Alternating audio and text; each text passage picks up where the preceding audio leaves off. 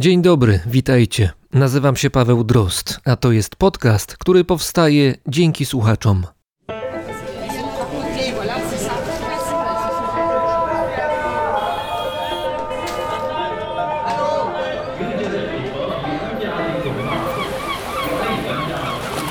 Brzmienie świata z lotu Drozda.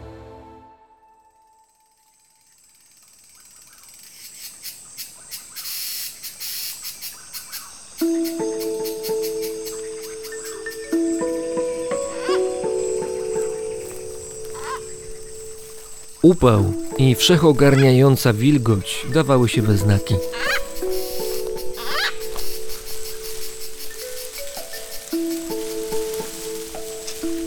Kilkunastu ludzi z trudem przedzierało się przez dżunglę, ale nie narzekali. Przed przyjazdem na badania do Kostaryki wiedzieli doskonale, że przyjdzie im pracować w niełatwych tropikalnych warunkach.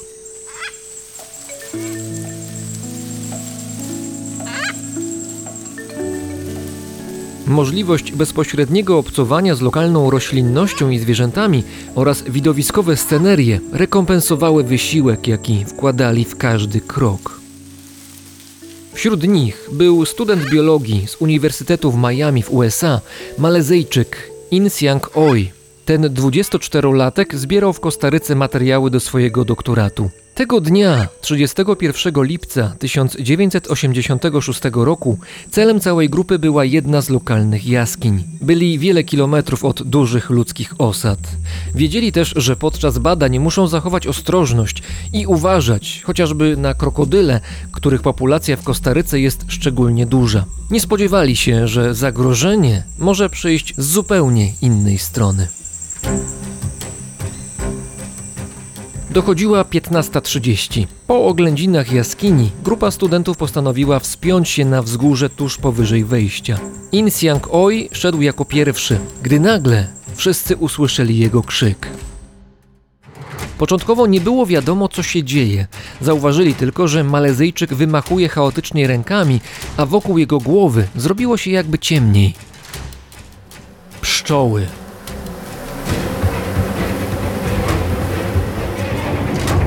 Insiang Oi próbował bezskutecznie odgonić owady.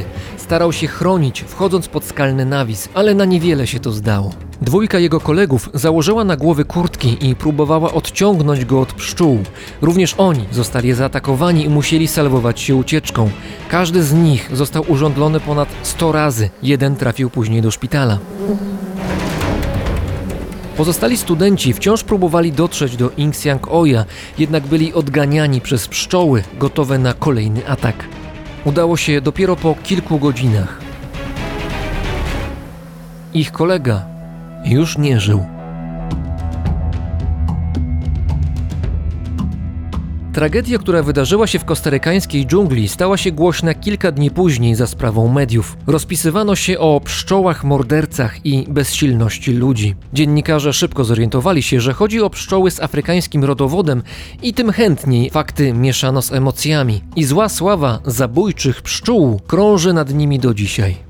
Owady, o których mowa, znane są pod angielskim skrótem AHB. Oznacza on zafrykanizowane pszczoły miodne. Ich rodzice przybyli z oceanu w 1956 roku za sprawą doktora Warwicka Kera. Był to genetyk, którego zatrudnił brazylijski rząd. Władze wymarzyły sobie, że Brazylia stanie się miodowym potentatem na skalę światową i w tym celu postanowiono skrzyżować dwa gatunki pszczołę afrykańską, znaną z dużej miodności oraz agresywności, oraz pszczołę europejską, która miodu dawała mniej, ale z kolei była łatwa w hodowli. Dr Kerr sprowadził z Europy 26 królowych pszczół afrykańskich.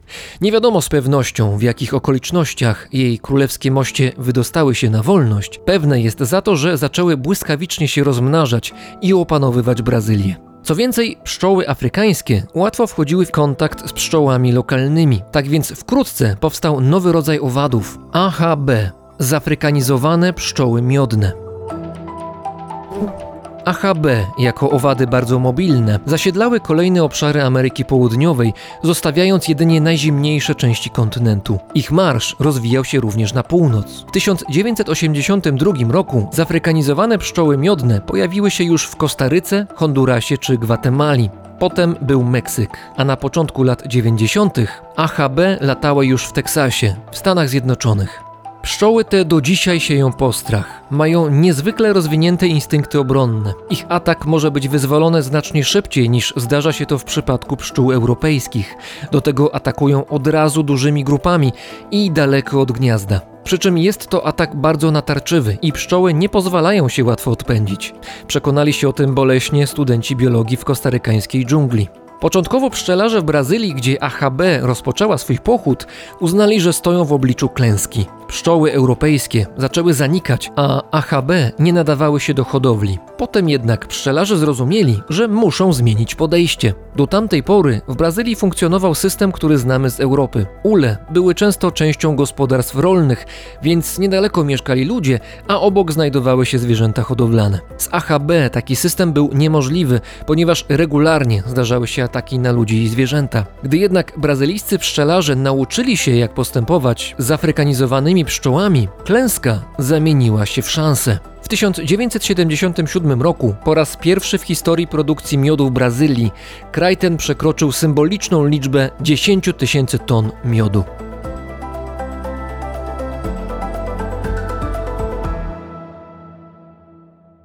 Zafrykanizowane pszczoły miodne w Ameryce Południowej nie mają jednej twarzy. Przyklejona przez media łatka pszczół morderców wprowadza w błąd.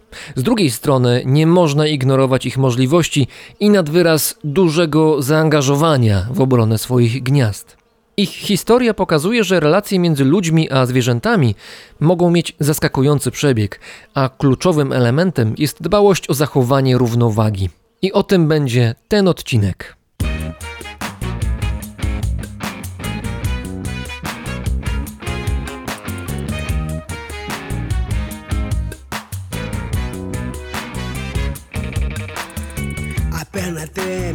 Parece videogame. É uma bolsa de sangue no chão e o nego geme. Eu me pergunto onde essa porra vai parar. Revolução da Che Guevara de sofá. A carne mais barata do mercado não tá mais de graça. O que não valia nada agora vale uma tonelada.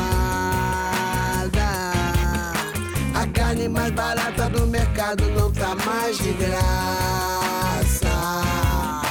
Não tem bala perdida, tem seu nome, é bala autografada. Prepara o coração que eu vou escurecer, pode dar piripaque. Do Big ao Tupac, amarelo e frango, rosa parks. Destrava corrente, sai fora da foice, Montgomery e Bernard Ramos. Essa aqui Neymar não dança na hora de meter gol. Mas os pretos avançam, Wakanda forever, yo. Essa aqui Neymar não dança na hora de meter gol. Mas os pretos avançam, Wakanda forever, yo. A carne mais barata do mercado não tá mais de graça. O que não valia nada agora vale uma tonelada. A carne mais barata do mercado não tá mais de graça. Não tem bala perdida, tem seu nome, é bala autografada. Perna treme, parece um videogame. Tem uma bolsa de sangue no chão, o nego geme. Eu me pergunto onde essa porra vai parar. Revolução só Che Guevara de sofá. A carne mais barata do mercado não tá mais de graça. O que não valia nada agora vale uma tonelada. A carne mais barata do mercado não tá mais de graça. Não tem bala perdida, tem seu nome, é bala autografada. Prepara o coração que eu vou escurecer, pode dar piripaque. Do Big ao Tupac, amarelo e frango, rosa parks. Destrava a corrente, sai fora da foice, e Bernard Ramos. Essa aqui o Neymar não dança na hora de meter gol. Mas os pretos avançam, Wakanda forever, yo. Essa aqui o Neymar não dança na hora de meter gol. Mas os pretos avançam, Wakanda forever, yo. A carne mais barata do mercado não tá mais de graça. O que não valia nada agora vale uma tonelada. A carne mais barata do mercado não tá mais de graça. Não tem bala perdida, tem seu nome, é bala autografada.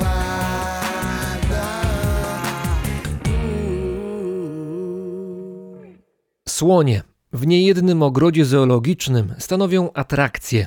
Majestatyczne zwierzęta, które wzbudzają zainteresowanie widzów. Tam, gdzie słonie żyją na wolności, to zainteresowanie może mieć niezdrową postać.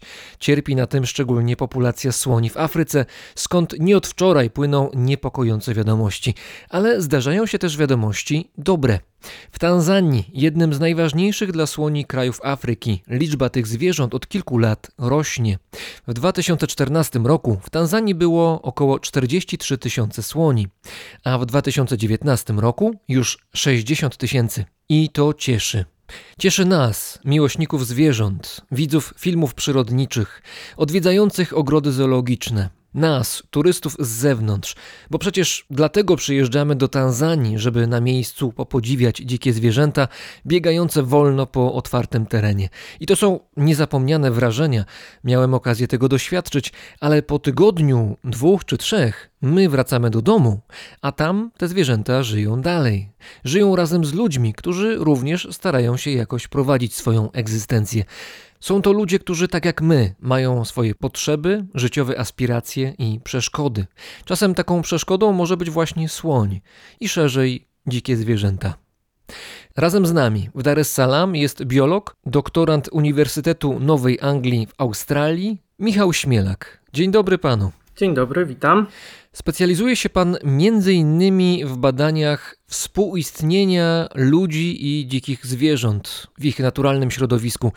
Niemało czasu spędził Pan pracując w Australii i do tego jeszcze dojdziemy, ale najpierw Tanzania, bo tam teraz Pan mieszka. Dlaczego w tym kraju od kilku lat słoni jest coraz więcej? Generalnie w całej Afryce trwa od lat kryzys kłusownictwa słoni.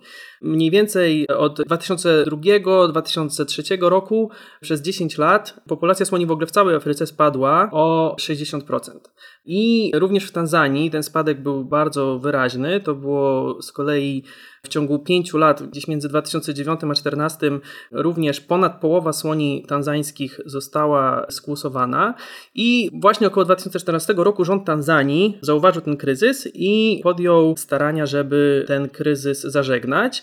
W pewnym sensie niektóre z tych działań były kontrowersyjne, bo to były takie programy walki z przestępczością, które według niektórych nie zawsze miały na celu tylko przestępców, ale generalnie można powiedzieć, że rząd Tanzanii osiągnął sukces i od tego 2014 roku liczba słoni w Tanzanii rośnie.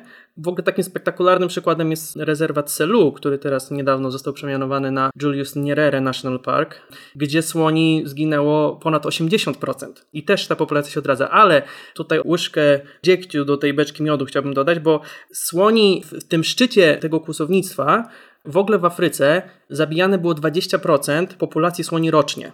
Czyli można sobie wyobrazić, że gdyby ten kryzys trwał, to po pięciu latach nie zostałby nam ani jeden słoń. Więc żeby ta populacja w ogóle w skali Afryki, bo w Afryce mamy wiele populacji słoni, ta w Afryce Wschodniej jest dosyć mocna, jeszcze nie jest tak źle, ta w Afryce Zachodniej ma się dużo gorzej. W ogóle, żeby ta populacja słoni się odbudowała całkiem, to tak naprawdę potrzeba pewnie około 90 lat, tak się szacuje. 90 lat prowadzenia takiej polityki, którą na przykład wprowadził rząd Tanzanii. Tak, 90 lat. Słonie to są zwierzęta długowieczne, które rozmnażają się powoli, one inwestują bardzo dużo w swoje potomstwo, ciąża trwa długo, mają jedną młodę na raz, więc gdyby zaprzestać kłusownictwa, albo gdyby to kłusownictwo spadło do takiego małego poziomu, tak jak było przed tym kryzysem, czyli to było tam około powiedzmy, powiedzmy 1-2% populacji ginęło w wyniku jakichś tam działań człowieka, no to wtedy, mówię, zajęłoby to jakieś 90 lat, żeby ta populacja się odrodziła z powrotem do tych liczb sprzed powiedzmy 20-30 lat. To mamy w takim razie to światełko w tunelu, które zdaje się, że rośnie w siłę, tylko że pojawiają się inne problemy, bo nie tylko kłusownictwo jest kłopotem dla dzikich zwierząt w Afryce, czy konkretnie w tym momencie w Tanzanii, o której rozmawiamy, ale dzieje się też tak, że w związku z tym, że słoni jest więcej, kontakt między słoniami a ludźmi staje się bardziej prawdopodobny. I nie mam na myśli tutaj kontaktu słonie i turyści, bo tak jak powiedziałem, turyści pojawiają się, zrobią zdjęcie, pozachwycają się, wyjadą, ale mam na myśli tych, którzy mieszkają na miejscu. Zajmuje się pan między innymi właśnie badaniem tego, jak te kontakty wychodzą w praktyce i to jest relacja bardzo trudna i złożona, bo obie strony mają swoje potrzeby, słuszne, bo obie strony chcą sobie dobrze żyć i słonie i ludzie, ale no, dochodzi bardzo często do nieuchronnego konfliktu. Żeby zrozumieć kontekst tego, to należy sobie wyobrazić, jak wygląda podział Tanzanii, te części, które są przeznaczone w cudzysłowie dla zwierząt, a te, które są wykorzystywane przez ludzi. Generalnie, jadąc przez Tanzanię, dzikie zwierzęta można zobaczyć praktycznie tylko w parkach narodowych, w rezerwatach przyrody. Tanzania jest krajem, który się bardzo dynamicznie rozwija ma bardzo duży przyrost naturalny, społeczeństwo jest bardzo młode, ludzi jest coraz więcej. Zresztą nawet rząd Tanzanii ma taką politykę rozwojową, można to nazwać, żeby było więcej Tanzańczyków. Zachęca Tanzańczyków do tego, żeby mieli dużo dzieci i no siłą rzeczy więcej ludzi potrzebuje więcej powierzchni, żeby budować domy, żeby uprawiać swoje jakieś tam banany, kukurydzę oczywiście to jest konkurencja pomiędzy ludźmi, którzy te tereny chcą wykorzystywać rolniczo, a zwierzętami, które chciałyby tam żyć. I w tym momencie te obszary, które w Tanzanii są w jakiś sposób chronione, na przykład jako park narodowy czy jako rezerwat, one są chronione całkiem nieźle. To znaczy tam się zdarzają takie przypadki kłusownictwa, czy jakichś tam właśnie konfliktów, albo wioski, które są na pograniczach tych obszarów chronionych, one czasem, że tak powiem, troszkę się wlewają w te obszary chronione, ale to jest problem marginalny. Te zwierzęta, które są w parkach narodowych są chronione. Natomiast oczywiście zanim pojawił się tutaj człowiek, to te zwierzęta przemieszczały się te granice parków narodowych są sztucznie narysowane.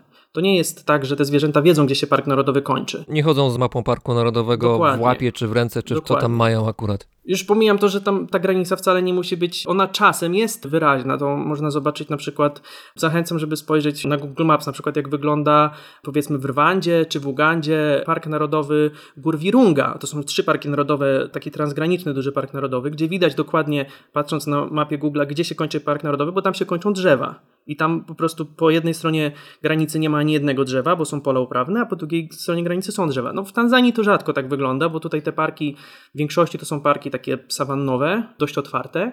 Natomiast oczywiście te zwierzęta tradycyjnie przemieszczają się pomiędzy tymi parkami. To nie jest tak, że jak mówimy o populacji słoni gdzieś tam na przykład w Selu, to jest populacja słoni, która generalnie naturalnie przemieszcza się pomiędzy Selu a na przykład górami Udzungwa, albo pomiędzy Selu a parkiem Mikumi i parkiem Ruacha, więc one normalnie powinny móc się przemieszczać. Natomiast Właśnie tutaj doskonałym przykładem tego, w jaki sposób takie konflikty powstają, jest Dolina Kilombero w Tanzanii, która jest takim, to jest taka żyzna dolina, która wcina się klinem pomiędzy dwa obszary chronione, pomiędzy Park Narodowy Selu a Park Narodowy Gór Udzungwa. I tam tradycyjnie słonie te słonie sawannowe z parku Selu w okresach, kiedy nie było jedzenia, na przykład było sucho, nie było wody, nie było jedzenia, one ruszały w góry. Przemieszczały się w góry Uzungła, bo tam to jest taki las deszczowy, gdzie zawsze dla słoni jest co jeść. No i na trasie tej migracji teraz jest olbrzymia plantacja trzciny cukrowej, którą tanzańska państwowa firma stworzyła olbrzymią plantację trzciny cukrowej, a wokół tej plantacji są takie małe farmy takie powiedzmy jedno, dwuhektarowe, czy nawet półhektarowe czasem, małe gospodarstwa rolne ludzi, którzy w tej dolinie mieszkają. Te ludzkie osiedla, one dokładnie przecięły na pół szlaki migracji słoni, tam idzie droga, która jest teraz w ogóle rozbudowywana i remontowana przez rząd Tanzanii. No i tam mieszkają ludzie. I te słonie, żeby przejść z jednego obszaru do drugiego, muszą w którymś miejscu przekroczyć drogę i muszą w którymś miejscu przejść przez uprawy, które mają ludzie. No i te przejścia przez uprawy najczęściej kończą się tak, że te słonie znajdują tam coś ciekawego do jedzenia, bo wiadomo, że jak wszędzie zresztą na świecie, tak jak w Polsce są problemy z dzikami, które zjadają kukurydzę, po prostu ludzkie uprawy to dla słoni jest taki szwedzki bufet, tak? Bo wszystko jest na miejscu, wszystko jest w jednym miejscu, posadzone równo, łatwy jest dostęp, nie trzeba się za bardzo wysilać, więc słonie chętnie z tego korzystają. I taki słoń, który jednej nocy wejdzie powiedzmy na jakieś poletko, które ma, nie wiem, pół hektara czy hektar, potrafi generalnie zniszczyć całe plony. I w ten sposób jedna rodzina może stracić całkowicie swoje źródło dochodu, bo często jest tak, że właśnie dana rodzina ma tylko takie małe półhektarowe, czy nawet czasem ćwierć hektarowe poletko.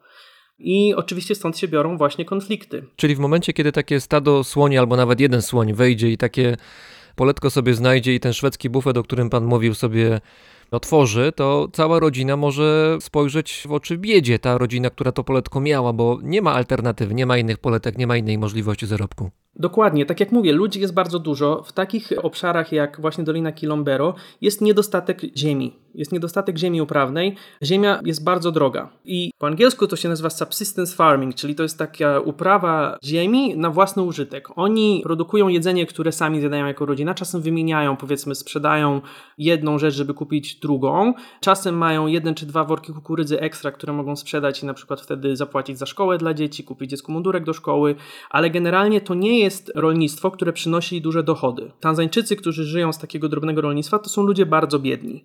W dodatku jeszcze, tak jak mówię, w związku z tym, że ilość ziemi jest ograniczona, to zazwyczaj ziemię ludzie otrzymują poprzez dziedziczenie. A jak już mówiłem, Tanzańczycy mają dużo dzieci, więc ta ziemia, nawet jeśli jakiś tam dziadek miał kilka czy kilkanaście hektarów, bo je dostał kiedyś od rządu, to po dwóch pokoleniach zostaje na głowę po pół albo po ćwierć hektara na rodzinę, a potem ta rodzina znowu ma siódemkę dzieci na przykład, albo piątkę. Czyli następują czasy Bolesława Krzywoustego i rozdrobnienie dzielnicowe. Tak, albo tak jak w Polsce, w Małopolsce czy na Podkarpaciu, gdzie właśnie w wyniku takich wielopokoleniowych podziałów mamy spłachetki ziemi, które mają po 300-500 metrów kwadratowych. I rozumiem, że w związku z tym, że populacja słoni w Tanzanii generalnie rośnie, to również w Dolinie Kilombero tych słoni jest więcej. Z jednej strony więcej słoni, z drugiej strony więcej ludzi. Siłą rzeczy te konflikty narastają i będą narastały oczywiście. No i tutaj właśnie pojawiają się różne rozwiązania, które mają te konflikty w różny sposób minimalizować. To jest tak, jeśli chodzi o słonie, to ciężko jest zatrzymać słonia. Słoń to jest bardzo duże zwierzę, które jak idzie, to potrafi przewracać drzewa i żeby zatrzymać słonia, i zniechęcić go do wejścia gdzieś, to trzeba wykazać się sprytem. Nie ma takiej technicznej możliwości, żeby zbudować na przykład płot, który by słonia powstrzymał, bo słoń po prostu przez ten płot przejdzie, przewróci go, jeśli będzie tylko chciał. Więc tutaj właśnie są działania, które taka organizacja, która nazywa się Southern Tanzania Elephant Program, czyli STEP w skrócie, to jest tanzańska organizacja pozarządowa, która zajmuje się właśnie ochroną przyrody, głównie słoni w południowej Tanzanii. Oni wprowadzają taki szereg działań, które pozwalają te konflikty ze słoniami minimalizować. I wydaje mi się, że najciekawszym chyba takim działaniem, które oni promują w tym momencie właśnie w Dolinie Kilombero, to są ule, pszczelarstwo. Chce pan powiedzieć, że na inwazję słoni wypuszcza się odpowiedź w postaci wojowników ze skrzydłami? To jest coś, co wydaje się na pierwszy rzut oka absurdalne niemalże, ponieważ jak mówiłem, słoń no to jest zwierzę wielkości domu, które generalnie nie za bardzo się czegokolwiek boi. Chodzi tam, gdzie chce chodzić i ciężko jest jakoś na słonia wpłynąć. Natomiast okazuje się, że słonie panicznie boją się pszczół. To jest w ogóle ciekawy przykład, że, że zawsze warto słuchać mądrości lokalnych, że przyrodnicy oczywiście prowadzą swoje badania, natomiast zawsze warto słuchać tego, co na dany temat mają do powiedzenia miejscowi ludzie, którzy z tymi zwierzętami żyją. I w Kenii po raz pierwszy pojawiły się takie sugestie, że słonie panicznie boją się pszczół. Nie do końca wiadomo dlaczego, ale wiadomo, że się boją pszczół. Boją się dźwięku pszczół. Nawet sam dźwięk po prostu. Dźwięku, nie tego, co pszczoła ma w tylnej części ciała, tylko samego dźwięku. Zakładam, że one boją się tak naprawdę żądła, ale jakby już sam dźwięk takiego rozzłoszczonego pszczelego ula powoduje u słoni panikę i one się wycofują. Ale czy nie jest czasem tak, że słonie są gruboskórne, w związku z tym pszczoły to nie mają co tam szukać? Słonie generalnie są gruboskórne, ale słonie mają też wrażliwe części ciała, na przykład powiedzmy trąba ich jest bardzo wrażliwa. Też pszczoły potrafią żądlić gdzieś tam w okolice oczu. Nikt do końca nie wie, dlaczego słonie tak panicznie boją się pszczół, ale się boją. Nie boją się myszy, wbrew temu co czasem w kreskówkach widzimy, ale boją się panicznie pszczół. Ale już sobie od razu sobie wyobraziłem wielkie populacje myszy hodowanych specjalnie przez ludzi jako przeciwwaga dla słoni. To byłoby niesamowite. To jest zupełnie inna historia. Tutaj w Tanzanii akurat y, hoduje się wielkoszczury gambijskie do wykrywania min przeciwpiechotnych i też teraz ostatnio do wykrywania gruźlicy, ale to jest... Ale to chyba w Angolii, prawda? Dobrze pamiętam? Główne centrum szkoleniowe jest w Tanzanii, O. natomiast je wykorzystuje się w Angolii, między innymi w Mozambiku i też w Kambodży. W Tanzanii nie ma problemu min przeciwpiechotnych, bo tutaj nie było nigdy takiej wojny domowej, która by pozostawiła po sobie taką spuściznę, na szczęście. No dobrze, to wróćmy do tych wojowników pszczelich. Tak, wracając do pszczół. Słonie boją się pszczół i postanowiono to wykorzystać w ten sposób, że, tak jak mówiłem, nie da się zbudować płotu, który by zatrzymał fizycznie słonia. Natomiast budowane są takie ogrodzenia, nazwijmy to ogrodzeniem, ogrodzenia, które są zrobione z uli pszczelich. To nie są pszczoły afrykańskie, to są pszczoły europejskie, bo pszczoły afrykańskie, które są agresywne, one średnio nadają się do pszczelarstwa, bo one są agresywne też wobec osób, które tymi ulami się zajmują. Więc to są nasze, takie, te, które dobrze znamy, pszczoły europejskie, które są zasiedlane w ulach i te ule są wieszane po prostu jako takie ogrodzenie. No to wygląda tak, że są co kilka, kilkanaście metrów są paliki wkopane w ziemię i pomiędzy tymi palikami na takim grubym drucie wisi ul. I to jest na takiej wysokości, żeby słoń nie mógł przejść górą, bo słonie to wygląda komicznie, ale one potrafią przejść przez ogrodzenia, w sensie one tak po prostu przechodzą górą nad takimi zwykłymi ogrodzeniami, bardzo delikatnie, w ogóle nie dotykając ich. A podobno się mówi, że słoń w składzie porcelany to jest taka metafora niezgrabności. Nie, to bardzo moim zdaniem krzywdzące. Ale kiedy słoń próbuje przejść i poruszy tym drutem, który wisi pomiędzy tymi słupami, no to w tym momencie trzęsie się ul, i wylatują z niego pszczoły. Robotnice wchodzą w tryb obrony ula i zaczynają tam krążyć i brzęczeć. I okazuje się, że te ogrodzenia są w stanie faktycznie bardzo skutecznie powstrzymać słonie przed wchodzeniem w szkodę. I te słonie się po prostu wycofują. I to, co się nie udało zrobić w żaden inny sposób, okazuje się, że są w stanie za nas niejako zrobić pszczoły. A co więcej, wykorzystanie tych uli również oprócz tego, że pozwala chronić uprawy, to również przynosi dodatkowe źródło dochodu, bo te pszczoły produkują miód i ten miód można od nich wybierać i można go sprzedawać. I to się dzieje. Rolnicy z Doliny Kilombero ten miód sprzedają i to jest dla nich pewne dodatkowe źródło dochodu. Przy czym należy zaznaczyć, że utrzymanie takiego płotu, bo na przykład taki typowy płot to ma powiedzmy, nie wiem, 150 uli, z których zazwyczaj jakaś połowa jest zasiedlona naraz, bo one tam część jest zasiedlona, część nie, to się zmienia, tam pszczoły się roją, zasiedlają nowe ule, albo część z nich ginie z jakiegoś powodu. Utrzymanie takiego ogrodzenia to jest bardzo dużo pracy. Więc nie są w stanie tego zrobić pojedynczy rolnicy, robią to spółdzielnie rolnicze. I właśnie STEP w ramach swojego projektu ochrony słoni pomaga rolnikom z Doliny Kilombero zakładać takie spółdzielnie, daje im wiedzę, daje im też materiały na budowę tych ogrodzeń, daje im sprzęt, czyli na przykład takie ubrania ochronne, które pszczelarze używają, jak zajmują się pszczołami. Natomiast sami członkowie tej spółdzielni wnoszą swoją pracę. Swoją pracę na to, żeby to ogrodzenie postawić i po to, żeby je potem utrzymywać, bo to jest cotygodniowa praca. I to jest ciekawe, bo ludzie, wiadomo, jak ktoś włożył dużo swojej pracy w coś, to będzie to bardziej cenił. I ja byłem w Dolinie Kilombero w zeszłym roku i właśnie spotkałem się z tymi pszczelarzami, tymi rolnikami, z tą spółdzielnią, która właśnie to ogrodzenie przeciwko słoniom prowadzi. I to jest w ogóle cudowna rzecz do oglądania, bo oni to traktują jako swoje dziecko, oni o tym opowiadają po prostu z takim entuzjazmem i naprawdę to jest przykład dużego sukcesu, jak można te konflikty zminimalizować bez szkody dla samych zwierząt, a jednocześnie z jakąś korzyścią dla ludzi, którzy wcześniej w tych konfliktach cierpieli. I w ogóle na razie to jest jedna z metod, które są wykorzystywane. To są wszystko pilotażowe badania w tym momencie, ale one już wydają się być bardzo skuteczne. To znaczy liczba pól zniszczonych przez słonie to jest spadek rzędu 80-90% teraz, jeżeli mogę, to będę adwokatem diabła, właściwie to adwokatem słonia, bo powiedział Pan na początku, że w związku z tym, że uprawy ludzi przecinają dwa tereny, na których znajdują się słonie i słonie migrują pomiędzy jednym terenem a drugim, to teraz, kiedy zostały wystawione pszczele watachy do obrony tych pól, słonie nie mogą przejść, w związku z tym migracja ich jest zaburzona, prawda? I chyba to nie jest takie szczególnie dobre dla słoni.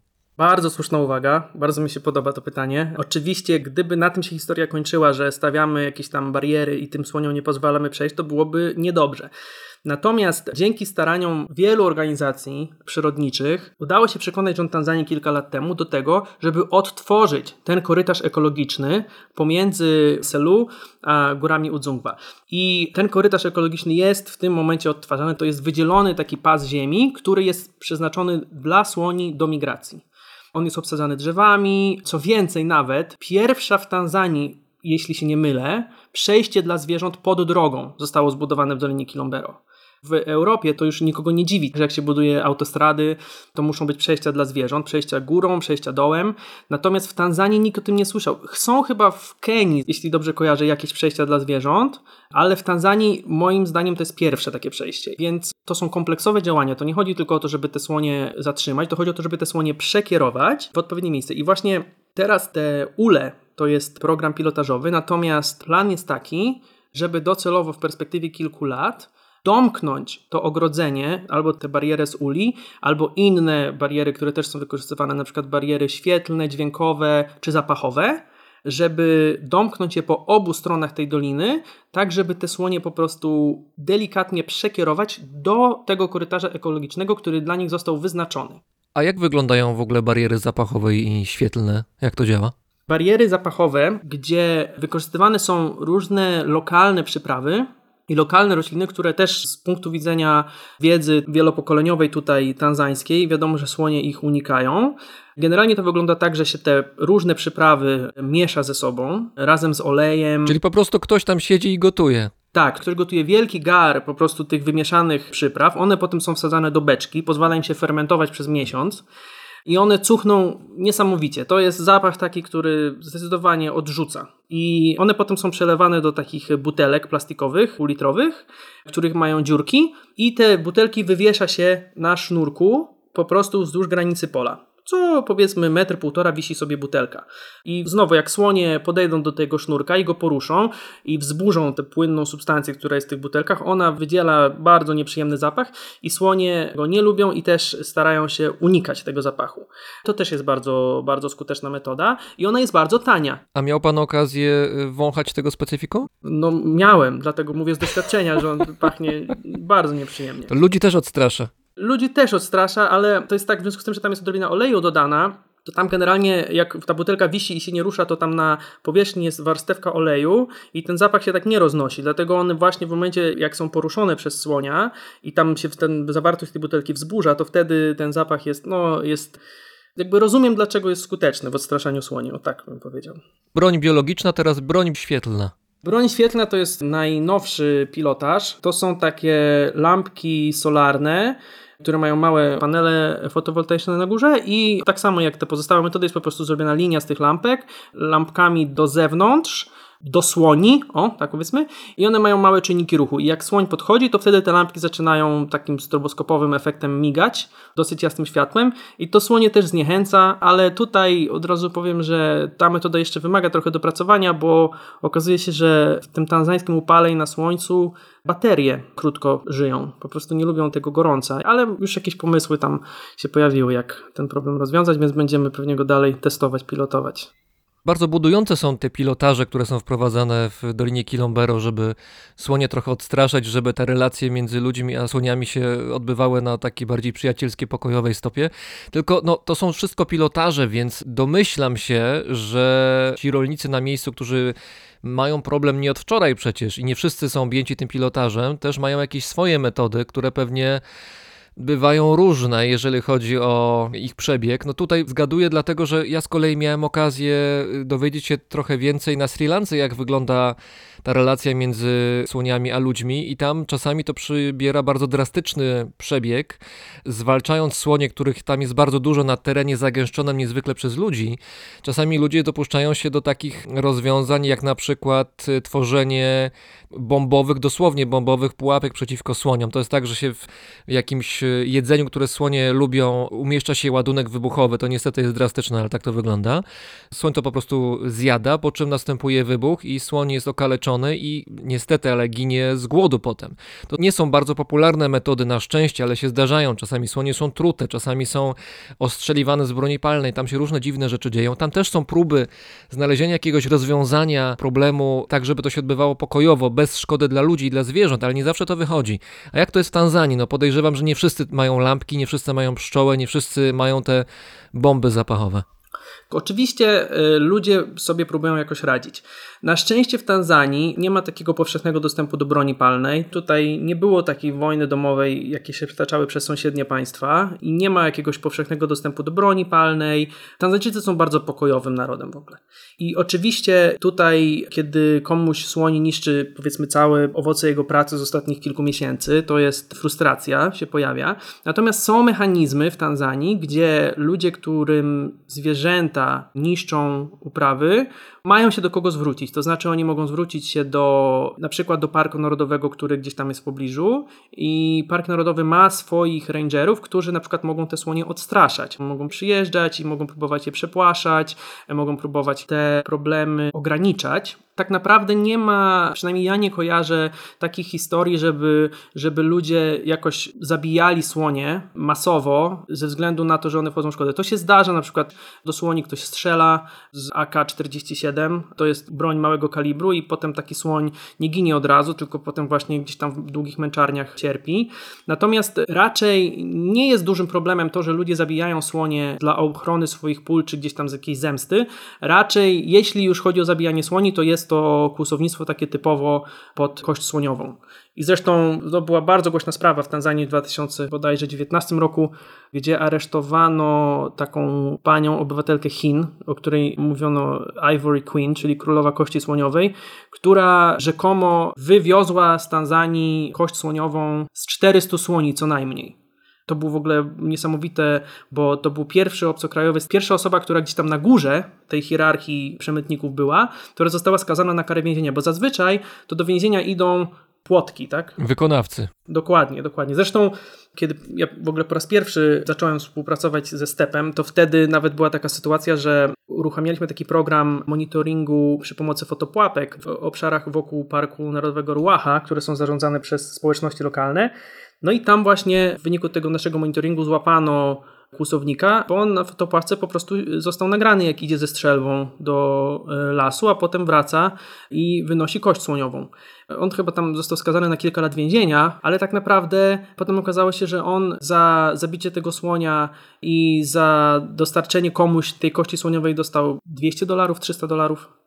Wiadomo, że to nie on stoi za tym procederem. Zresztą w ogóle badania naukowe pokazują, że kłusownictwo jest bardzo silnie związane z tym, jaka jest akurat w danym momencie cena kości słoniowej na rynku chińskim. Kłusownictwo słoni, zwłaszcza w Afryce Wschodniej, jest w niewielkim stopniu napędzane przez jakieś lokalne problemy, a w zdecydowanej większości jest napędzane przez popyt na rynkach zagranicznych, głównie na rynkach azjatyckich, na kość słoniową.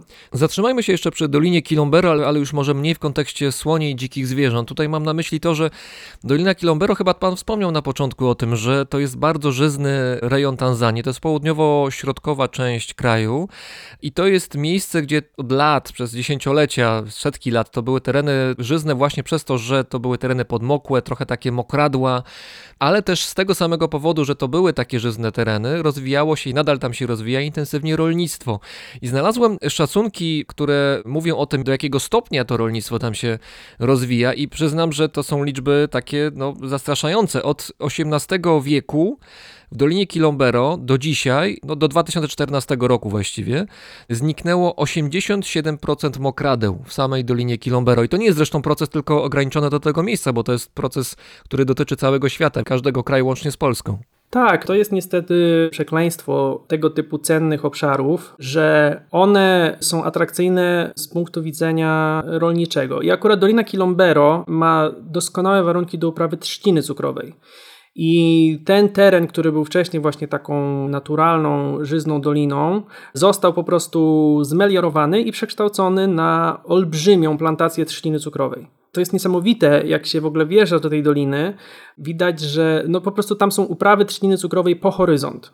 To się nazywa Tanzania Sugar Corporation, zdaje się, ta firma. To jest rządowa firma, ale to nie jest jedyny też przykład tego, jak ten teren został przekształcony, bo właśnie też przez Dolinę Kilombero, czy tam powiedzmy u ujścia Doliny Kilombero, płynie rzeka Rufiji, to jest duża rzeka, na której zbudowano dużą tamę, która dostarcza prąd. Teraz z kolei Tanzania jest w trakcie realizacji olbrzymiego projektu takiego hydrotechnicznego, gdzie właśnie rzeka Rufiji ma być przegrodzona wielką tamą i to się spotyka z olbrzymimi protestami wszelkich organizacji przyrodniczych. Ale z drugiej strony, jakby rząd Tanzanii pozostaje głuchy na te protesty, dlatego że to też należy zrozumieć, dlatego że Tanzania w tym momencie ma bardzo duży problem z zaopatrzeniem w prąd. Nawet tutaj, gdzie ja mieszkam w Dar es Salaam, nie ma takiego dnia, żeby nie było kilku blackoutów. A to jest największe miasto w kraju przecież. To jest największe miasto w kraju, tak. I tutaj w Dar es Salaam, no na szczęście ten budynek, w którym ja mieszkam, ma generator, więc jak prąd wysiądzie, to za chwilę słychać silnik diesla, który się tam odpala na podwórku i prąd wraca. Ale generalnie, no Tanzania stoi przed dużym takim wyzwaniem, jak zrównoważyć ten rozwój gospodarczy Tanzania teraz, chyba w zeszłym roku, została uznana za middle income country, więc już nie jest państwem takim rozwijającym się, czyli najbiedniejszym, jest państwem takim, przeskoczyła oczko wyżej w rankingach, co było wielkim powodem do dumy dla prezydenta Tanzanii, ale ciągle to jest kraj bardzo biedny i bardzo też kraj wielkich nierówności, bo są duże miasta, zwłaszcza Dar es Salaam czy Dodoma, stolica, które mają zupełnie inny poziom rozwoju niż właśnie jakieś wioski w Dolinie Kilombero. Tak? Są ciągle wioski bez prądu w Tanzanii. Lodówka jest rzadkością. Jest problem z przechowywaniem tych płodów rolnych, nie ma infrastruktury, więc łatwo jest krytykować też Tanzanię. Ja też to robię bardzo często za to, że przyrodę swoją niszczy i przekształca, ale z drugiej strony nam jest łatwo to mówić z perspektywy kraju, który już pewien poziom osiągnął, pewien poziom rozwoju, nazwijmy to, osiągnął, też przecież kosztem swojej przyrody, prawda? Już swoje mokradła Dokładnie, bo kradło suszyliśmy, lasy wycięliśmy, dziury w ziemi wielkie wykopaliśmy, żeby mieć prąd, więc tu nie ma prostych odpowiedzi, nie ma takich oczywistych rozwiązań. Oczywiście turystyka jest bardzo ważna. W Tanzanii, to jest prawie 20% PKB, do niedawna to była turystyka, no w tym roku o ponad 80%, znaczy przepraszam, w zeszłym roku ponad 80% spadła liczba turystów przez pandemię, ale generalnie turystyka jest bardzo ważna i wydaje mi się, że rząd Tanzanii jakoś próbuje to wyważyć, tak? Z jednej strony półtora miliona turystów, którzy co roku przyjeżdżają do Tanzanii, a z drugiej strony kilkadziesiąt milionów Tanzańczyków, którzy też oczekują, że ich poziom życia, taki poziom ekonomiczny życia będzie się podnosił, więc ja nie podejmuję się powiedzieć, kto w tej historii ma rację. Moje serce przyrodnika mówi, że przyroda, ale żeby przyroda była skutecznie chroniona, musi być do tego wsparcie społeczeństwa i wsparcie polityków. Nie ma takiej historii, żeby nawet najsłuszniejsze i jakby najszlachetniejsze takie przyrodnicze, jakieś ochroniarskie działania się udały bez wsparcia ludzi i bez wsparcia polityków. Jeszcze dodam, jeszcze a propos mokradeł, dlaczego one są tak ważne dla środowiska naturalnego. Otóż, no nie wchodząc jakoś głęboko w szczegóły, to często ich rola porównywalna jest do roli, jaką pełnią lasy deszczowe. Także można sobie tutaj troszkę wiedzę uzupełnić. Mokradła naprawdę są niezwykle istotne dla całego ekosystemu. I niestety ich liczba cały czas maleje i nie tylko w Tanzanii, to jest proces niestety globalny. Wspomniał Pan o tym, że turystyka w Tanzanii jest tak istotnym elementem gospodarki. To chyba obok rolnictwa to główny element tanzańskiej gospodarki gospodarki w ogóle. No w zeszłym roku, oczywiście pewnie częściowo w tym roku tak samo, turystyka bardzo podupadła ale no, zaczyna się coś chyba ruszać powoli, dlatego że Tanzania zachęca do tego, żeby przyjeżdżać, Zanzibar zaczyna znowu się jakoś otwierać, władze tanzańskie mówią, że jest bezpiecznie, chociaż z tym bezpieczeństwem to jest bardzo różnie, bo są nawet konkretne doniesienia, jak to wygląda, no ale może zostawmy to. Jak mają się w tej chwili w Tanzanii dzikie zwierzęta? To mnie interesuje, bo skoro nie ma turystów, nie ma tych ludzi, którzy jeepami czy jakimiś Land Roverami, innymi samochodami terenowymi jeżdżą po parkach narodowych, oglądając odległości żyrafy, lwy, słonie, zebry i tam inne zwierzęta. Nie ma ludzi, którzy przyjeżdżają z zewnątrz i przywożą przecież ze sobą pieniądze, żeby te zwierzęta móc oglądać. Jaki to ma wpływ, co się z nimi dzieje i działo w ciągu ostatniego roku? Czy można to jakoś w ogóle podsumować? Czy jest jakaś zmiana zauważalna? Oczywiście tak, turystyka jest bardzo istotną gałęzią gospodarki. Bezpośrednio w tej branży turystycznej jest około pół miliona ludzi pracuje, a pośrednio około półtora miliona, nawet niektórzy mówią, że dwa miliony ludzi żyją z turystów w ten albo w inny sposób. I oczywiście, jak turystów ubyło, no to zniknęło też źródło dochodu dla tych ludzi. Na szczęście w Tanzanii jest tak, że mało kto ma jedną pracę. To znaczy, turystyka w Tanzanii ze względów takich klimatycznych jest sezonowa. To znaczy najwięcej turystów, taki najwyższy sezon turystyczny to jest czerwiec, październik. Między czerwcem a październikiem, kiedy przyjeżdża najwięcej turystów. Wtedy ludzie jeżdżą właśnie do Serengeti, oglądać tą migrację gnu. I poza tym jeszcze przyjeżdżają ludzie, zwłaszcza w okolicach Bożego Narodzenia Nowego Roku, trochę też teraz w okolicach Wielkanocy często przyjeżdżają, ale generalnie w Tanzanii jest bardzo długi tak zwany low season. I ludzie mówią, związani z turystyką, mówią, że po prostu w tym roku, w zeszłym roku, ten low season będzie po prostu dużo dłuższy. I firmy turystyczne, właściciele firm turystycznych mają ciężko. Natomiast tacy Tanzańczycy, którzy są zatrudnieni, czyli ci ludzie, którzy faktycznie pracują w tym przemyśle turystycznym, oni zazwyczaj mają jakieś inne źródło dochodu. Oni zazwyczaj mają jakieś małe gospodarstwo rolne, hodują kurczaki, sprzedają jajka, czasem handlują jakimiś drobnymi rzeczami. No generalnie oni mają alternatywne źródła dochodu i ich dochody spadły, ale raczej nie spadły do zera. Co pozwala żywić nadzieję, że to się nie odciśnie dużym piętnem na dzikiej przyrodzie. W teorii można powiedzieć, że jak nie ma ludzi, to przyroda może odpocząć.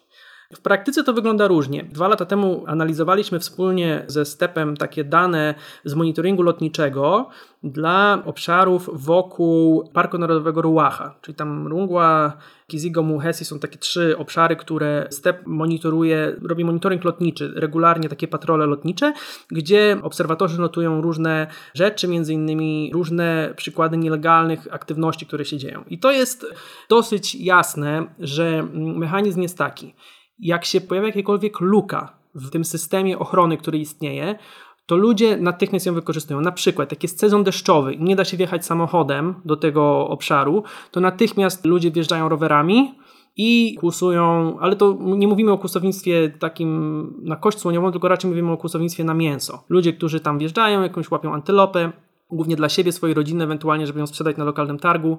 Na szczęście duża część tych obszarów chronionych, które są w Tanzanii, one są chronione przez rząd i rząd opłaca rangerów, którzy ich pilnują i pensja tych rangerów nie zależy od tego, ilu tam jest turystów. W odróżnieniu na przykład od tych takich różnych obszarów, które są zarządzane przez jakieś lokalne wspólnoty, gdzie pieniądze zależą praktycznie całkowicie od tego, ile przyniosą ich turyści. Więc jeśli chodzi o parki narodowe, raczej nie spodziewałbym się dramatycznych zmian i jakiegoś dramatycznego wzrostu tutaj tych nielegalnych aktywności. Byłem w czerwcu w Parku Narodowym Mikumi. Pojechałem tam z rodziną i generalnie przyjechaliśmy do tego parku. Tam na bramie wypełnialiśmy papiery, żeby wjechać do tego parku. No i było chyba 10 rangerów na tej bramie. I pytam się tych rangerów, ile ludzi dzisiaj było. No i oni mówią, że jesteśmy pierwszymi gośćmi, a to była godzina 17. Więc, yy, więc jakby byliśmy jedynymi ludźmi w całym Parku Narodowym, a mimo to jakby obsada tych rangerów i jakby tych ludzi, tych pracowników była tam cały czas, więc im rząd te pensje płaci. Oni pewnie napiwków nie dostaną, bo to jest jakby element taki, który się pojawia jak są turyści, ale swoją podstawową pensję oni dostaną. Wiemy, że, że ogólnie wszelkiego rodzaju aktywności nielegalne typu kusownictwo, nielegalne wydobywanie kopalin czy wycinanie drzew, one są bardzo silnie skorelowane z biedą. Więc jeśli w Tanzanii ludzie zbiednieją, a zbiednieli niewątpliwie, bo, bo nie ma turystów, też bardzo wielu ekspatów, którzy tu mieszkają na stałe, wyjechało na początku pandemii i dopiero wróciło niedawno, więc te dochody spadły. No ludzie będą szukać źródeł dochodu, ale jest niewiele takich osób w Tanzanii, które żyją tylko i wyłącznie z turystów. Zaczęliśmy naszą rozmowę od relacji między dzikimi zwierzętami a ludźmi. Tutaj konkretnie słonie były przykładem. A teraz przenieśmy się na zupełnie inny kontynent, też na A. Australię mam na myśli. To tam pracował pan przez ostatnie lata i zbierał pan dane do swojego doktoratu, który wkrótce. Jeżeli chodzi o Australię, to rolę słonia pełni tam innymi dingo. Pies dingo. Zwierzę, które jest traktowane, no właśnie, czasami jest traktowane jako samodzielny gatunek, a innym razem jest zrównane z dzikimi psami. W jednych rejonach Australii jest uważana za naturalną część ekosystemu kontynentu, a w innych częściach Australii to jest zwierzę wręcz wyjęte spod prawa. Co więcej, na to zwierzę czasami można polować, albo wręcz należy polować. I tutaj z tego co widziałem, to na południu Australii władze czasami płacą nawet do 120 dolarów australijskich od sztuki za upolowanego psa dingo.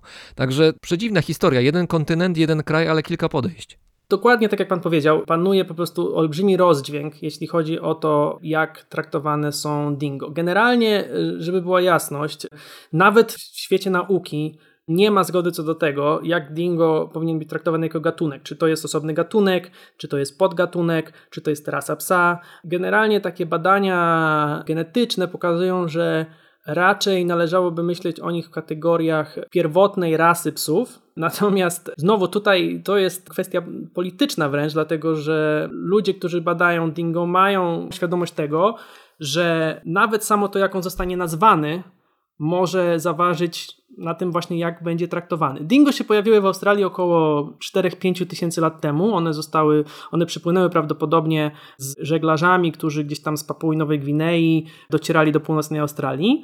I 4-5 tysięcy lat temu to się może wydawać długo. W skali geologicznej, takiej ewolucyjnej, to jest bardzo krótko. Aborygeni do Australii dotarli najprawdopodobniej 60, nawet może 65 tysięcy lat temu, więc możemy sobie wyobrazić, że dingo to jest też ułamek tego. Natomiast oczywiście Europejczycy wylądowali pod koniec XVIII wieku.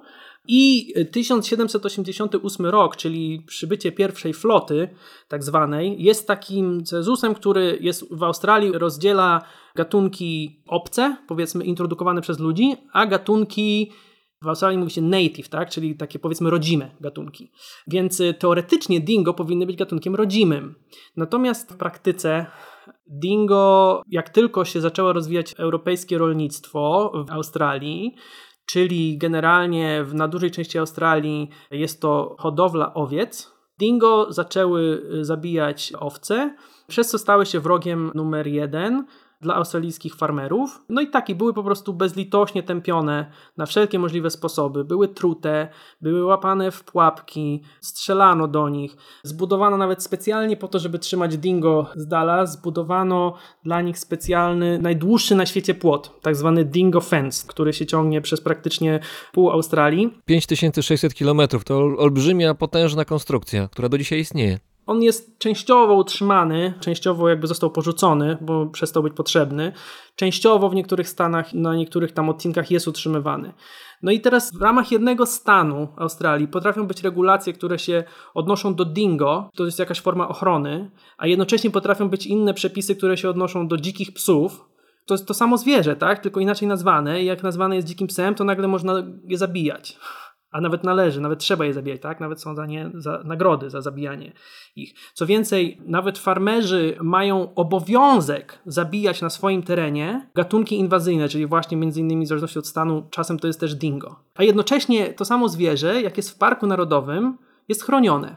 Jest niewątpliwie ważnym elementem ekosystemu, bo to jest w Australii, na kontynencie australijskim, największy drapieżnik to może go w ogóle opiszmy troszeczkę, jak on, jak on wygląda i czym on się różni tak na pierwszy rzut oka od psa, gdybyśmy postawili jeden koło drugiego. No to jest pies. To jest pies. No, dingo, wbrew temu, co się ludziom wydaje, nie są duże. To są zwierzęta, które mają zazwyczaj 12, tak 15 kg, więc to nie jest bardzo duży pies. No mój pies jest większy niż, niż taki przeciętny dingo. One są za, zazwyczaj koloru takiego piaskowego, aczkolwiek kiedyś myślano, że kolor jest wyznacznikiem tego, jak czysty genetycznie w sensie jak, jak dużo dingo jest w dingo z wyznacznikiem koloru, okazuje się, że tak nie jest do końca, bo my w ramach naszych badań łapaliśmy takie dingo, które były całkiem czarne i wyglądały jakby to był border collie, a okazało się w badaniach genetycznych, że to jest czysty dingo. Bo to jest też tak, że dingo się krzyżują z psami domowymi, prawda? Zdarzają się takie sytuacje. Dingo krzyżują się z psami i w ogóle problem polega na tym, że my w naszych badaniach genetycznych musimy mieć jakieś odniesienie, punkt odniesienia. I dla nas punktem odniesienia są powiedzmy dingo gdzieś z pustyni Tanamai, gdzieś tam w centralnym centralnej Australii, gdzie one zakładamy, że one nie miały kontaktu z domowymi psami. Ale my tego nie wiemy tak naprawdę, bo my te próbki genetyczne pobraliśmy względnie niedawno, a być może 100-200 lat temu tam ktoś przywiózł psa i te dingo z pustyni Tanamaj zostały skrzyżowane z psami. My tego nie wiemy. Ale zakładamy, że te dingo, które żyją z dala od ludzi, gdzieś tam w centralnej Australii, albo na przykład na jakiejś wyspie, bo też na przykład na wyspie, Wielkiej Wyspie Piaszczystej chyba po polsku to się nazywa, też żyje populacja dingo, które są czyste genetycznie, nazwijmy to tak. Ale oczywiście tak, tam gdzie jest kontakt z ludźmi, to dingo się krzyżują z psami domowymi. Niektórzy mówią w Australii, że dingo jest za dużo, należy je zabijać jak się tylko da, bo jest ich za dużo i zjadają te owce na śniadanie, obiad i kolację. Z drugiej strony czasami dingo są wprowadzane na listę gatunków zagrożonych i co więcej, mówi się o tym, że jeżeli dingo będzie za mało albo na przykład wyginą, to w tym momencie posypie się cały ekosystem Australii. Tak, to są bardzo, bardzo złożone tematy, które my, nawet my, w sensie naukowcy, którzy się tym zajmują, nie do końca rozumiemy. Dingo jest na pewno więcej niż było, jak przybyli do Australii Europejczycy. Jest ich więcej, dlatego że Europejczycy, jak przybyli, zaczęli przekształcać środowisko Australii w ten sposób, żeby łatwiej się tam y, hodowało zwierzęta krowy, owce. Zaczęli kopać studnie i zaczęli tworzyć takie wodopoje, nazwijmy to, czyli wydobywać y, wodę z ziemi i w obszarach, gdzie kiedyś nie było w ogóle dostępnej takiej wolnej wody, nagle pojawiły się wodopoje. Koncepcja była taka, że jak się przepędzało na przykład bydło, gdzieś tam z jakiś pastwik powiedzmy do miasta, żeby je sprzedać, to zawsze w odległości jednego dnia drogi powinien być wodopój, tak, żeby te krowy mogły się zatrzymać i się napić. Jak się pojawiło więcej wody, to pojawiło się więcej kangurów. Australia jest bardzo suchym kontynentem, w ogóle poza Antarktydą najsuchszym kontynentem na świecie. I właśnie brak wody był tym czynnikiem, który ograniczał liczebności i rozmieszczenie kangurów. Jak się pojawiło więcej kangurów, to pojawiło się więcej dingo, bo tak naprawdę głównym pokarmem dingo są kangury. One owce jedzą, owce czy tam jakieś zwierzęta gospodarskie jedzą, ale jedzą je jak mają okazję. To nie jest podstawa ich diety. Tak naprawdę to, że dingo jest za dużo, w cudzysłowie, bo ja akurat jako ekolog zwierząt bardzo nie lubię takich łatek pod tytułem, że czegoś jest za dużo albo czegoś jest za mało, bo to zawsze jest czegoś jest za dużo albo za mało, mówimy jak z perspektywy człowieka, że czegoś jest dla nas za dużo albo dla nas za mało. Ale powiedzmy, że dingo jest więcej, to jest konsekwencja działań człowieka. To, że jest więcej dingo, to, że jest więcej kangurów, to, że ten ekosystem został jakoś tam wytrącony z równowagi, to też jest wina człowieka. To tak naprawdę ten temat dingo w Australii, w moim odczuciu, to jest druga strona tego samego medalu, tego o czym mówiliśmy o Tanzanii, że zwierzęta wchodzą w konflikt z ludźmi. Tylko, że z jednej strony mamy drobnych rolników, którzy mają bardzo mało, i w momencie ich konfliktu właśnie powiedzmy ze słoniem oni mogą stracić dużą część albo nawet cały swój dobytek. Natomiast z drugiej strony mamy farmerów w Australii, gdzie warto mieć świadomość, że hodowla zwierząt w Australii to jest zupełnie inna skala. Farmy australijskie, takie farmy, gdzie hoduje się na przykład, nie wiem, owce na mięso, one mają kilkadziesiąt, czasem kilkaset tysięcy hektarów. Największa farma, największa farma krów w Australii jest wielkości Belgii. To jest wielkość europejskiego państwa. Więc farmerzy często, one nawet, to nawet nie są farmerzy, tylko jakieś korporacje wielomilionowe, które mają takich farm kilka i są nastawione tylko na zysk. A nawet jeśli to są farmerzy, to zazwyczaj są bardzo bogaci farmerzy, którzy mają, gdzieś tam mieszkają w outbacku, jak to się mówi w Australii, i mają swój pas, lądowisko dla samolotów za domem, mają swoją awionetkę i latają nią do miasta na zakupy. To są autentycznie takie historie czasami, więc, więc wydaje mi się, że to jest właśnie ciekawy przykład tego, że te konflikty pomiędzy ludźmi a zwierzętami potrafią mieć bardzo różną twarz. Potrafią mieć twarz takiego drobnego rolnika z Tanzanii, a potrafią mieć twarz takiego obszarnika wręcz z Australii, który no, często można powiedzieć, że dosyć bezdusznie traktuje te zwierzęta. Nie wiem, czy pan kojarzy, ale jest słynny taki przykład tak zwanych, to się nazywa w Australii dingo tree, czyli takich drzew, gdzie farmerzy wywieszają zabite przez siebie dingo. No to jest makabryczny obraz, bo tak, to jest po prostu... No to, to w Stanach Zjednoczonych czasami się robi coś podobnego z kojotami, tylko tam się Mm. wykorzystuje płoty graniczne na, między ranczami. No ja widziałem parę takich drzew, zwłaszcza w górach śnieżnych, w okolicach Parku Narodowego Góry Kościuszki, gdzie te dingo, te tak zwane górskie dingo żyją. No to jest makabryczny obraz. Dla mnie ciężko jest zrozumieć, co stoi za tym, jaka jest logika, czy to ma, jakby do kogo ten sygnał jest wysyłany przez wieszanie tych biednych trucheł, tych psów na tym drzewie. Do innych psów? To- Znam tylko teorię ze Stanów Zjednoczonych. Rancherzy, z którymi rozmawiałem w Teksasie między innymi, mówili, że jak takie kojoty są wywieszane, no takie truchła właśnie na płotach Mhm. i tam sobie przeobrażają się w wyniku działania czasu, słońca i tak dalej, to inne kojoty to zauważą, pojawi się w ich głowach refleksja i już nie przyjdą.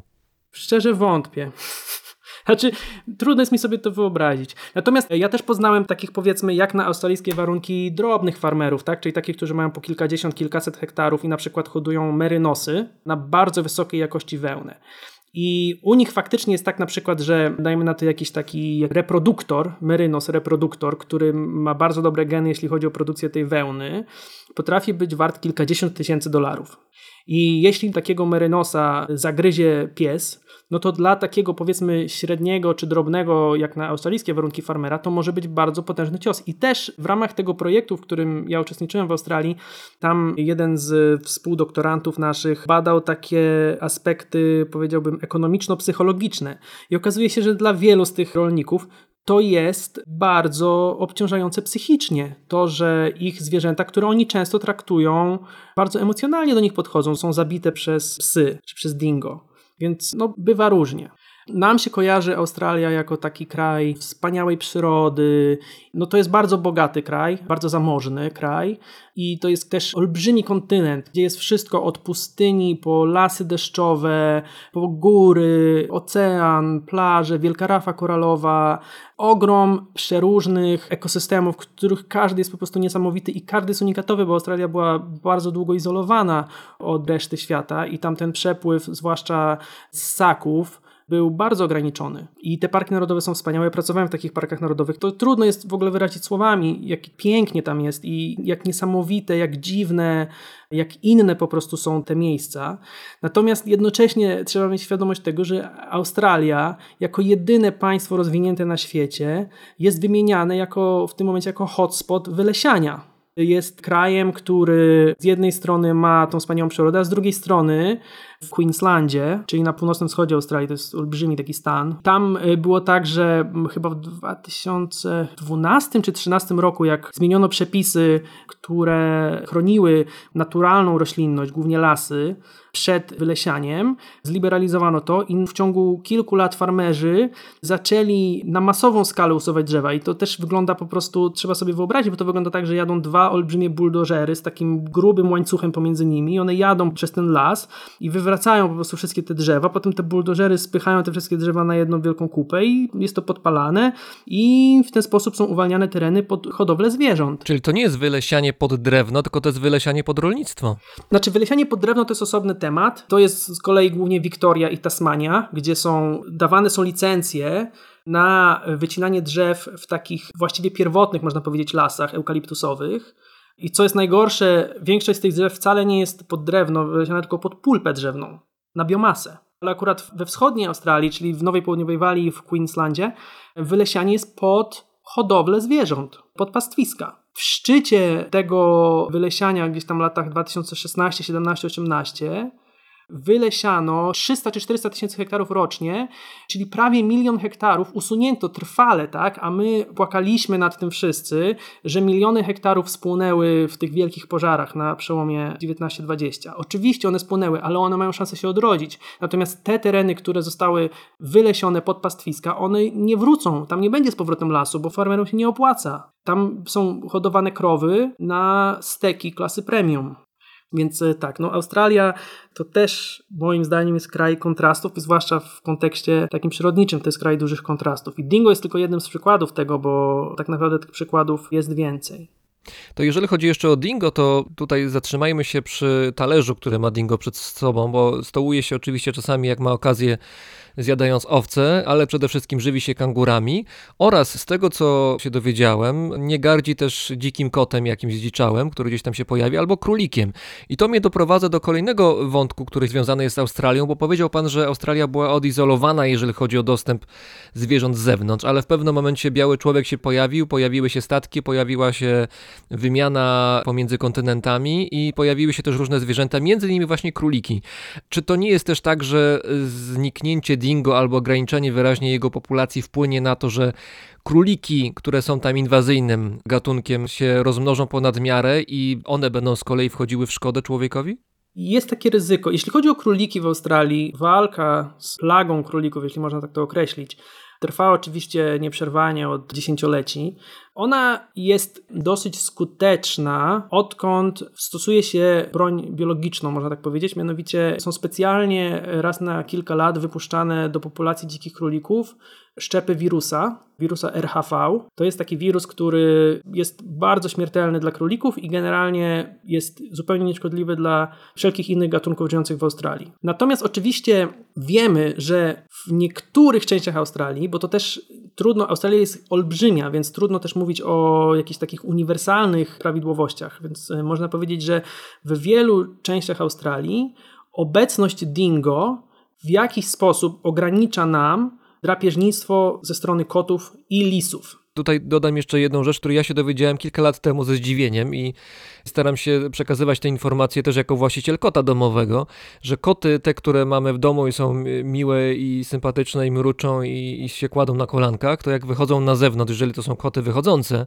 to potrafią siać spustoszenie w okolicy, to znaczy one potrafią być niezwykle skutecznymi drapieżnikami i potrafią przetrzebić lokalne populacje ptaków chociażby. Oczywiście, są takie historie zresztą, że pojedynczy kot odpowiada nawet za wyginięcie całego gatunku. To jest taka dosyć słynna historia z wyspy, gdzie, gdzie latarnik przywiózł swojego kota i ten kot wytępił doszczętnie gatunek takiego ptaka, który tam gniazdował. Ale w Australii na szczęście świadomość tego, jak groźne są koty dla przyrody jest duża i w wielu miejscach Australii w ogóle obowiązuje zakaz wypuszczania kotów. W sensie można wypuszczać koty tylko do wolier albo na podwórka, z których one nie są w stanie wyjść. To ciekawe. Nie można pozwalać swojemu kotu Są też w innych miejscach na przykład są godziny policyjne dla kotów, że w pewnych godzinach koty nie mogą, nie mogą chodzić. Natomiast w Australii jest populacja dzikich kotów, zdziczałych kotów. To one tak naprawdę stanowią zagrożenie.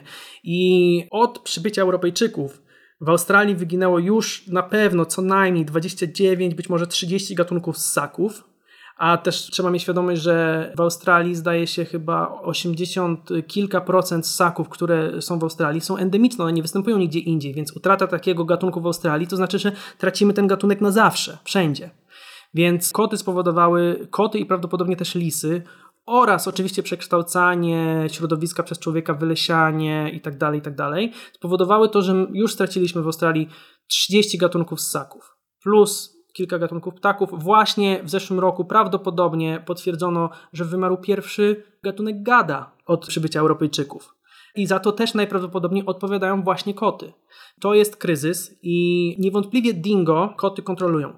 Czy one koty zjadają? Trudno powiedzieć. Raczej to jest, powiedziałbym, dosyć marginalne, bo kot nie jest bardzo atrakcyjną ofiarą dla takiej rodziny dingo. No, jeśli taka rodzina dingo to jest powiedzmy 5, 7, 8 psów, no to one się nie najedzą takim kotem. Raczej chodzi o to, że one usuwają konkurencję i też wiadomo, że koty najczęściej unikają tych miejsc, gdzie przebywają dingo, właśnie dlatego, że się ich boją. Więc ten efekt, powiedzmy, takiego parasola ochronnego, nazwijmy to, które dingo roztaczają nad australijską fauną, ma nie tyle charakter zjadania tych kotów, co raczej bym powiedział odstraszania ich, kotów i lisów. Co więcej, okazuje się, że są w Australii już farmerzy.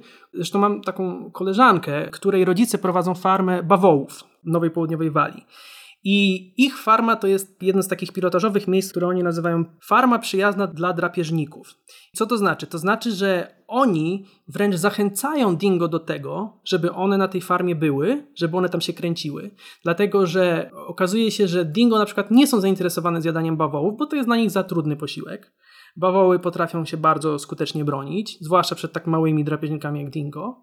Natomiast okazuje się, że obecność dingo bardzo skutecznie odstrasza kangury a kangury zjadają trawę, którą inaczej mogłyby jeść te bawoły. Więc okazuje się, że nawet dla rolników, jeśli oni sobie z góry zaplanują, mogą wykorzystać te dingo nawet z korzyścią dla swojej jakiejś tam produkcji rolnej. Więc to jest, to są bardzo ciekawe tematy, ale one też są bardzo złożone. Tutaj zahaczamy o tematy socjologiczne, ekonomiczne, przyrodnicze, historyczne. Nie ma jednego prostego rozwiązania, nie ma jednej prostej odpowiedzi. Jeszcze w grę wchodzi jak zwykle polityka, niestety, wszędzie. To na koniec jeszcze zatoczmy koło i wróćmy na chwilkę do, do Tanzanii, do Dar es Salaam, gdzie pan jest w tej chwili. Jak się panu mieszka w ostatnim roku w Tanzanii? To znaczy mam na myśli oczywiście pandemię, jak to wygląda w praktyce? Tak jak mówiłem, jak się zaczęła pandemia, to bardzo dużo Europejczyków, którzy tutaj byli, wyjechali. Oni pomału wracają. Jest we mnie przynajmniej, jest jakiś taki niepokój, można powiedzieć, dlatego że nikt nie wie, jak sytuacja w Tanzanii wygląda, jeśli chodzi o pandemię, więc rząd już od kwietnia zeszłego roku żadnych informacji nie podaje, więc tak naprawdę polegamy na tym, co nam się uda gdzieś tam dowiedzieć, usłyszeć. Wydaje się, że nie jest źle. Na pewno w porównaniu do Europy nie jest źle. Też nikt nie wie dlaczego, być może dlatego, że średnia wieku w Tanzanii jest dużo mniejsza niż w Europie, a być może dlatego, że po prostu nikt tych problemów nie raportuje. Trudno powiedzieć. W Tanzanii życie toczy się bardzo normalnie. Za bardzo nie widać, żeby ktoś się przejmował sytuacją. Moim zdaniem duży plus z tej pandemii jest taki, że teraz wszędzie są stacje do mycia rąk i można sobie często myć ręce, co jest na plus. W tym klimacie zwłaszcza, gdzie jest upalnie i wilgotno. Powiedział pan o tym, że rząd Tanzanii milczy, ale czasami się odzywa i zazwyczaj się odzywa w takim tonie entuzjastycznym, że wszystko jest fantastycznie, zapraszamy turystów, jest pięknie i bajka tanzańska. Rząd powiedział w zeszłym roku, że prezydent zarządził trzy dni modlitwy i wymodlił wymodlili wirusa i już nie ma wirusa. Co oczywiście nie jest prawdą. Tutaj rząd w Tanzanii nigdy nie wprowadził lockdownów, ale z drugiej strony trzeba mieć świadomość tego, że wprowadzenie lockdownu w realiach tanzańskich jest praktycznie niemożliwe, no bo ludzie, którzy żyją z dnia na dzień, żyją za dniówki, które są im wypłacane codziennie często, muszą codziennie pójść kupić coś do jedzenia, no nie mają lodówek, nie mają jak przechowywać jedzenia. No trudno wyobrazić sobie, żeby, żeby rząd powiedział ludziom, że mają przez tydzień nie wychodzić z domu. To jest niemożliwe w realiach tanzańskich. Rząd przyjął taką strategię, że turyści są ważni i niewątpliwie ta strategia z punktu widzenia turystyki się opłaciła, bo przez długi czas Tanzania była jednym z niewielu miejsc na świecie, gdzie w ogóle można było pojechać, gdzie można było wjechać bez żadnych ograniczeń, nikt o nic nie pytał, nikt nie wymagał żadnych testów, nadal nie wymaga. I ludzie nawet entuzjastycznie tu przyjeżdżali, bo cieszyli się, że w Tanzanii nie trzeba nosić maseczki, więc jest super. Zanzibar miał krótki taki okres, kiedy nie było turystów, bo przestały latać linie lotnicze. Natomiast jak zaczęły z powrotem latać linie lotnicze, to Zanzibar odżył błyskawicznie i Zanzibar ostatnimi czasy, zwłaszcza w tym roku, jest niesamowicie popularny wśród Polaków. Niesamowicie. Jest chyba więcej teraz Polaków na Zanzibarze niż kiedykolwiek w historii. Natomiast jeśli chodzi o mainland, no to też jest ok, bo zaczynają przyjeżdżać turyści. Wiemy, że ta turystyka powoli odżywa. Dużo ludzi przyjeżdża, bo są dobre okazje i faktycznie można było skorzystać z tego, że nie ma ludzi i właśnie na przykład tak jak ja pojechać sobie do Parku Narodowego i być jedynym gościem, co myślę, że już nigdy więcej w życiu mi, mi, mi się nie zdarzy. I myślę, że Tanzania jakoś w miarę y, suchą stopą przejdzie przez ten kryzys. Prognozy takie wzrostu PKB są dużo mniejsze niż były. Tanzania miała wzrost PKB rzędu 8% rocznie. Teraz to ma być 2% rocznie. No ale to i tak jest ciągle wzrost. Więc myślę, że Tanzania sobie jakoś poradzi. No i życie w Dar es Salaam, tu gdzie ja żyję, bo ja żyję też w takiej dzielnicy Dar es Salaam, która jest troszeczkę bańką, bo to jest dzielnica, gdzie jest dużo ekspatów, dużo ambasad. Tutaj zdecydowanie jest nadreprezentacja Europejczyków wśród populacji. No tutaj poza tym, że jest mniej ludzi, to restauracje działają, są pełne ludzi, w weekendy słychać muzykę, wszyscy się dobrze bawią, więc wydaje się, że Tanzania jakoś sobie z tą sytuacją poradziła. Jak będzie dalej, zobaczymy, bo niestety rząd otwarcie powiedział, że nie pozwoli sprowadzić żadnych szczepionek do Tanzanii, bo szczepionki powodują wirusa i zaleca Tanzańczykom, żeby leczyli się lokalnymi ziołowymi specyfikami. Jest nawet taki jeden specyfik, który nazywa się Covidol, ale absolutnie nigdzie nie jest napisane, że on jest na COVID, on jest na problemy z oddychaniem. Ale to nie jest ten sam specyfik, który odstrasza słonie, mam nadzieję. Nie, ale jakby z wyglądu jest podobny moim zdaniem. Tak zapachu? patrząc na butelkę wygląda podobnie. Nie, nie próbowałem, widziałem go tylko w sklepie, ale nie próbowałem. Może, może to jest właśnie znak, że powinienem go kupić i spróbować. Zdrowia panu życzę i spokojnego, bezpiecznego dalszego pobytu w Tanzanii. Razem z nami w Dar es Salaam był Michał Śmielak, biolog i doktorant Uniwersytetu Nowej Anglii w Australii. Bardzo dziękuję. Dziękuję bardzo.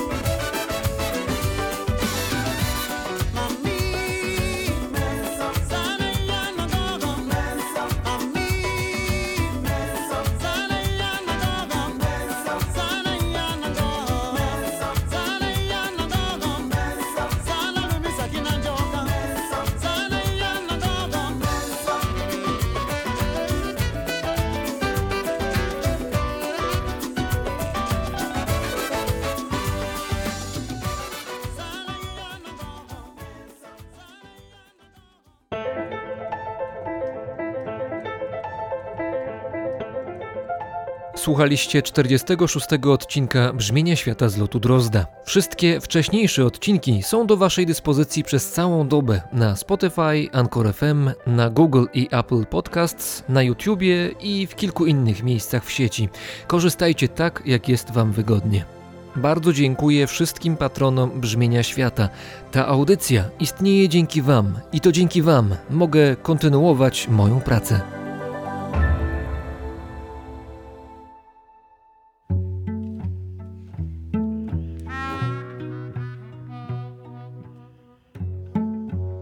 Paweł Drozd, czyli ja, mówi Wam dobrego dnia.